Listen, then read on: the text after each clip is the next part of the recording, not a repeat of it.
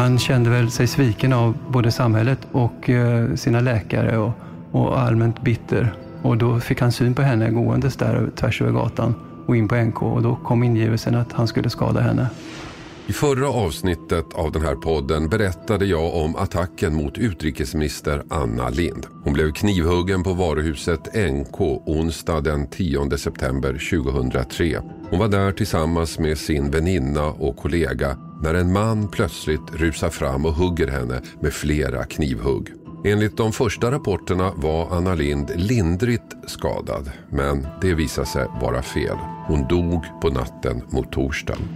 Jag heter Hasse Aro. Välkomna till min podd Fallen jag aldrig glömmer.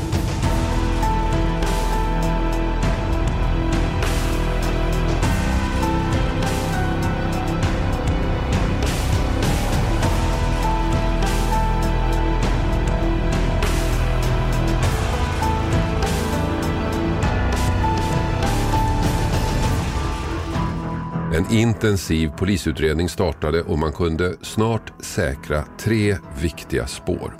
Kniven med DNA och fingeravtryck, kepsen mördaren hade på sig och bilder på gärningsmannen tagna med NKs övervakningskameror. Efter att polisen publicerat de här bilderna gick tipstelefonen varm.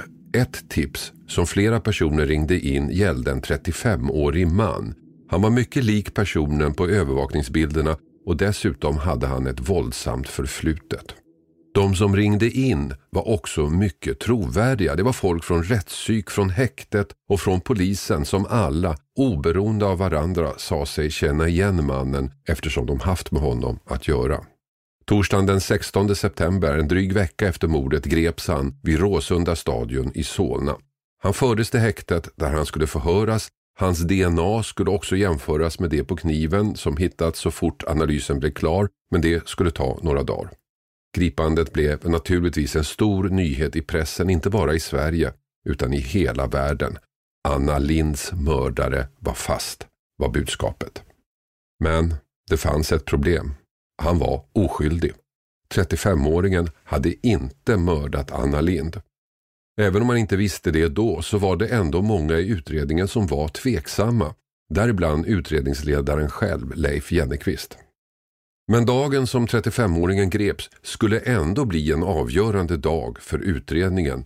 Det var nämligen den dagen som polisen fick den riktiga mördarens identitet. Inte nog med det, han greps också av polisen i Solna, men av ett helt annat skäl. Han hette Mikhail Mikhailovich, var 24 år och hade en historia med psykiska problem. Han var dömd några gånger, en för att ha attackerat sin egen far med kniv, en annan gång för att ha hotat att döda en kvinna och hennes barn. Han hade sedan tonåren haft regelbundna kontakter med psykvården, gått igenom två utredningar som båda kom fram till att han inte led av någon psykisk sjukdom. På natten efter mordet ringde han upp en bekant, berättade att han mådde dåligt, att han blivit utslängd hemifrån och undrade om han kunde få sova hos kompisen och hans flickvän i deras lägenhet i Solna. Kompisen gick motvilligt med på det. Det blev ganska många nätter. Komplicerade, jobbiga och stressande för det unga paret. Och allt eftersom tiden gick blev de två mer och mer övertygade om att deras nattgäst hade med mordet på Anna Lind att göra. Så småningom blev situationen ohållbar. De ville inte ha Mikhailovic boende hos sig, men de fick inte ut honom. Så den 16 september, samma dag som 35-åringen greps, inte långt därifrån, gick de till polisen. De ville ha hjälp att få ut Mikhailovic från sin lägenhet. Samtidigt berättar de om sina misstankar att han skulle ha med mordet att göra.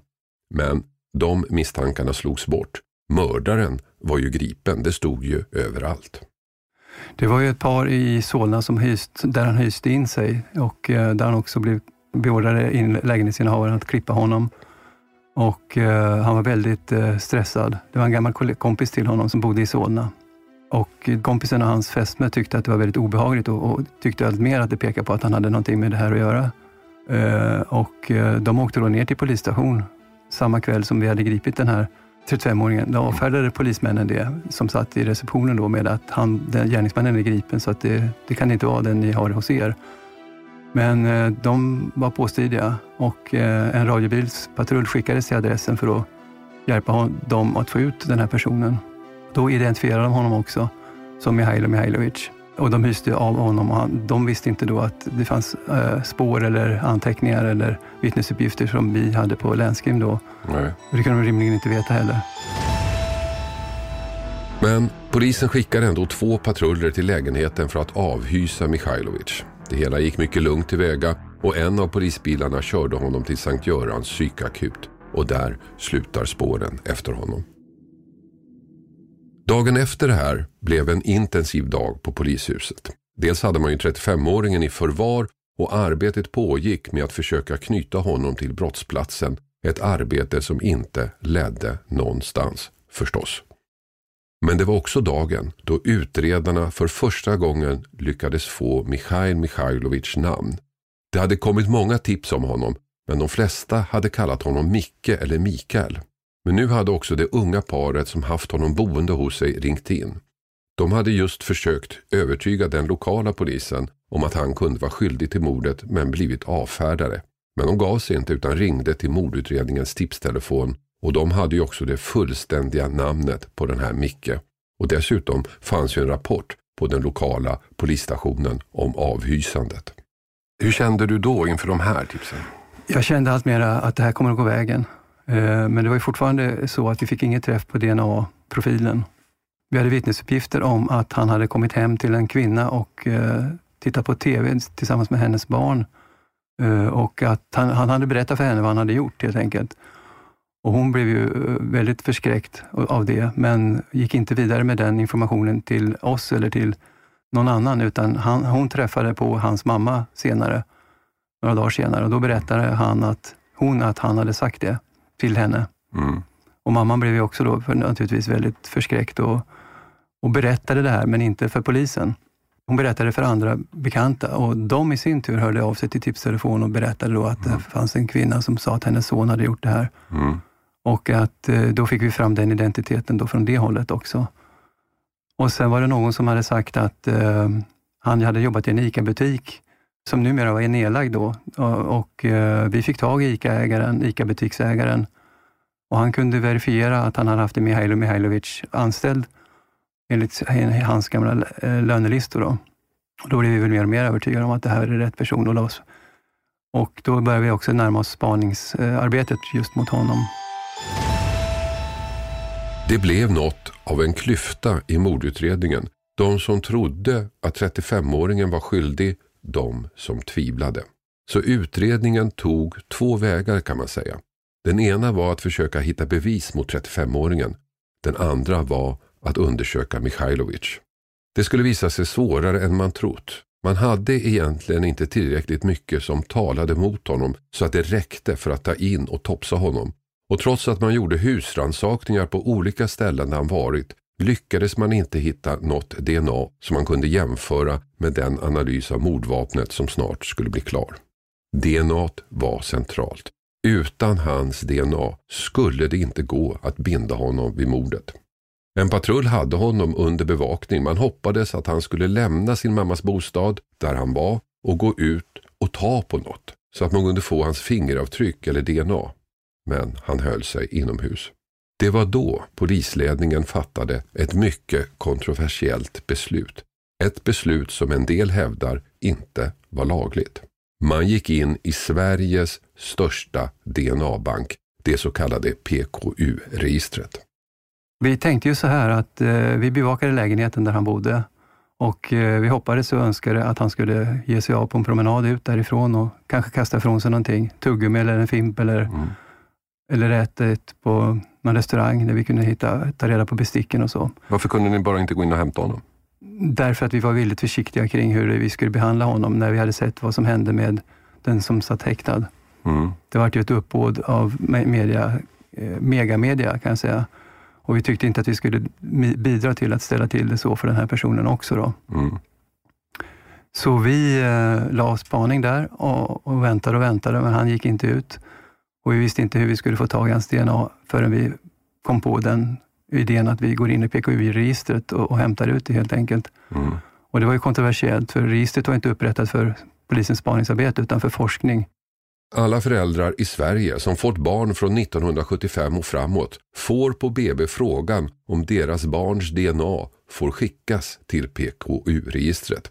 Det är frivilligt och DNA ska bara användas vid forskning, får föräldrarna veta. Inget annat. Och så hade det också varit fram till den här dagen, tisdagen den 23 september, då Leif Jennekvist fattade sitt beslut. Nya uppgifter om Anna Lindh-utredningen. Blodprov från miljonregister hjälpte mordspanarna säkra 24-åringens DNA. Olagligt, säger Socialstyrelsen. Leif Jennekvist fortsätter. Och eh, det flög vi ner till eh, dåvarande SKL, NFC. Mm, men för egentligen skulle ni inte få göra det. Nej. Egentligen, alla föräldrar som sa ja till att lämna sina barns DNA fick ju besked om att det här skulle bara användas till forskning. Så jag kan tänka mig att det var ändå, du får det låta så enkelt, men så enkelt ja, kanske nej, inte men det var. Det var inte så enkelt och eh, det har ju blivit ett förtydligande efter det att vi gjorde det här när, när det gäller registrets ändamål. Det var väl lite luddigt skrivet som gjorde att vi skulle kunna ha möjligheten att få ta ut det här och så var det ju ett åklagarbeslut om, om husrannsakan. Mm. Och det, det verkställde vi ju. Det här beslutet blev mycket omdiskuterat och ledde sedan till en skärpning av bestämmelserna för hur PKU-registret får användas. Men i det här fallet blev det en fullträff. Dagen efter att Mikhailovics DNA-profil hade hämtats in från PKU-registret kom svaret från Statens kriminaltekniska laboratorium som analyserat kepsen polisen hittat i närheten av mordplatsen. Och det var en match. Det stämde. Mikhail Mikhailovics DNA fanns på kepsen. Saken var klar. Då flög vi ner det till SKL, NFC, och där blev det ju träff på eh, Mihailovics eh, DNA. Det var, det var, hans DNA ni plockade ut, ni gjorde ingen allmän skanning. Nej, nej, ni visste ju vem ni var ute ja, just efter. Det, vi tog ut hans DNA. Och eh, det gick in på kepsen också. Och eh, det fanns fibrer på kepsen som var omhändertagna som vi skulle få nytta av så småningom också. Mm. Så att eh, då la vi spaningen då hade vi lagt spaningen på honom och eh, han kom ju inte ut så då var vi tvungna att gå in efter moget övervägande för att, så att ingen skulle komma till skada. Vi har arbetat med flera parallella spår och alternativa gärningsmän och det har lett fram till det som nu Agneta Blidberg ska informera om. Den person som i fredags blev häktad som på skälig misstänkt om mordet på utrikesminister Anna Lindh på NK den 10 september har idag släppts. Det föreligger inte längre någon misstanke beträffande denna personen. Samtidigt så vill jag meddela att en annan person är i förmiddags gripen och anhållen på sannolika skäl misstänkt för nämnda mord. Mikhail Mikhailovic greps och 35-åringen släpptes. Och denna dag kom så äntligen resultatet från laboratoriet i England som analyserat mordkniven. Mikhailovics DNA fanns också på den. För Leif Jennekvist var arbetet så gott som över. Nu var det åklagarens sak att driva saken i domstol. En oerhörd lättnad kände jag. Alltså det, var, det har ju varit en press på oss, men vi hade ju haft framgång på framgång, men det var det slutliga beviset på att vi var ute med rätt gärningsman. Mm. Och det kändes väldigt bra. Mikhail Mikhailovic nekade i de inledande förhören till att ha något med mordet att göra. Faktum är att han svarade Tom Cruise på alla frågor. Men när rättegången väl började medgav han att det var han som högg ihjäl Anna Lind. Men det var rösterna som styrde honom. Jag såg henne och då kom rösterna. De sa att jag skulle angripa henne så jag kunde inte stå emot rösterna. Då, då gick jag fram. Den här rösten, Mihailo, ja. Vad är det för en röst? Men rösterna de sa att jag skulle gå fram och angripa henne. Vilket språk talar den här rösten till? Telepaiska. Och vad säger den? Den säger angrip henne, säger Vem är det du ska angripa, säger rösten? Anna Lind. Nej, jag kunde inte stå emot rösterna, de var så starka så. Men det kunde ha varit någon annan. Det kunde? En Anna Lind. Jag har ingenting personligt emot Anna Lind, hon var, det var en jättefin det har spekulerats mycket i motiv. Att Mikhailovic skulle ha politiska motiv för sin gärning. Att Balkankriget på något sätt triggat honom. I den senaste intervju han gjort menar han själv att det handlar om politikerhat. Han såg Anna Lind och beslutade sig att attackera henne men det kunde lika gärna ha varit vilken politiker som helst. Ja, alltså det är ju inte klarlagt till 100 procent, men jag tror att det var lite grann ingivelsen, hans psykiska hälsa Eh, och ingivelsen att han såg Anna Linds porträtt överallt på stan eh, med anledning av EMU-kampanjen. Och eh, han kände väl sig sviken av både samhället och, och eh, sina läkare och, och allmänt bitter. Och då fick han syn på henne gåendes där tvärs över gatan och in på NK och då kom ingivelsen att han skulle skada henne. Mm.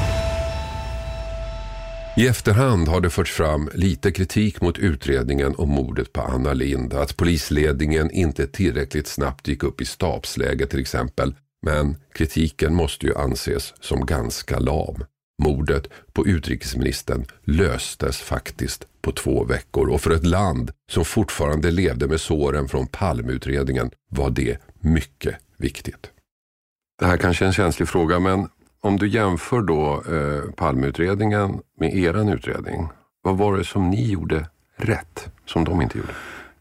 Vi bestämde oss tidigt för att hålla oss till den organisation som vi har eh, statuerat när det gäller eh, mordutredningar. Men att den här var megastor då. Och eh, i det förra fallet så hade de ju gått ifrån den, den mordbibeln som den då kallades. Och det var väl ett misstag. Och dessutom så satt den som var högst eh, ansvarig i, i polisledningen inne med egna teorier och egna spaningsuppslag och, och uh, order och, och så. Det måste ha varit förvillande för de som jobbar systematiskt. Mm. Så det tror jag var det stora, den stora förmånen, fördelen för vår del, det var att vi arbetade metodiskt enligt boken.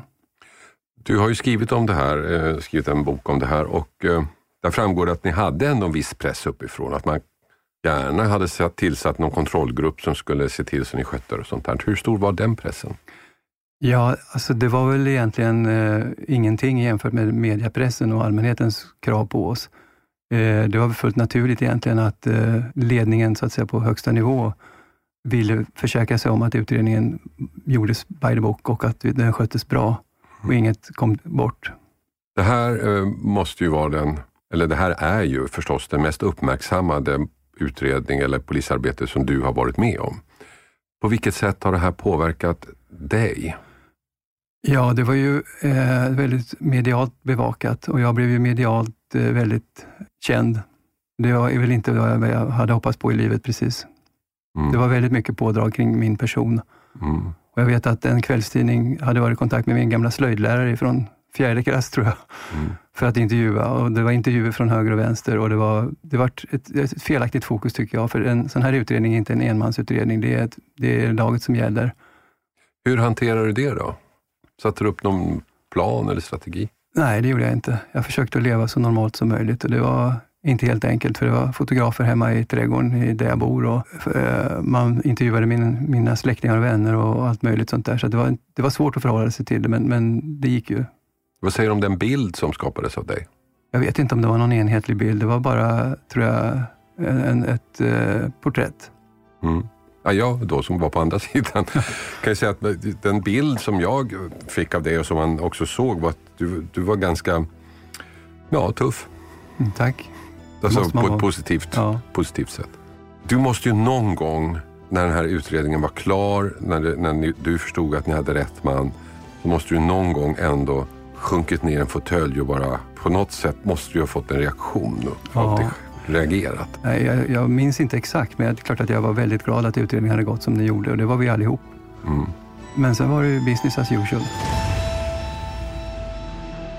Finns det någonting som du skulle ha gjort annorlunda idag om, med, med facit i hand? Nej, det tror jag inte. Utan det, vi gjorde det vi skulle och det gjorde vi på rätt sätt. Sen finns det naturligtvis enskilda misstag där vi har tagit in fel personer och så, men mm. Det, det, så är det en, en sån här utredning. Det, det råkar bli så och det får man nog leva med. Klippning och inspelningsansvarig David Dabba Persson och exekutiv producent Mattias Arvidsson. Ljudupptagningar kommer delvis från SVTs dokumentär Det är utrikesministern, det är Anna Lind av Peder Karlqvist. Produceras av I Like Radio. I like radio. Ett poddtips från Podplay. I podden Något Kaiko garanterar östgötarna Brutti och jag, Davva, dig en stor dos skratt. Där följer jag pladask för köttätandet igen. Man är lite som en jävla vampyr. Man har fått lite blodsmak och då måste man ha mer. Udda spaningar, fängslande anekdoter och en och annan arg rant. Jag måste ha mitt kaffe på morgonen för annars är jag ingen trevlig människa. Då är du ingen trevlig människa, punkt. Något Kaiko, hör du på Podplay. Därför arkadeinerna.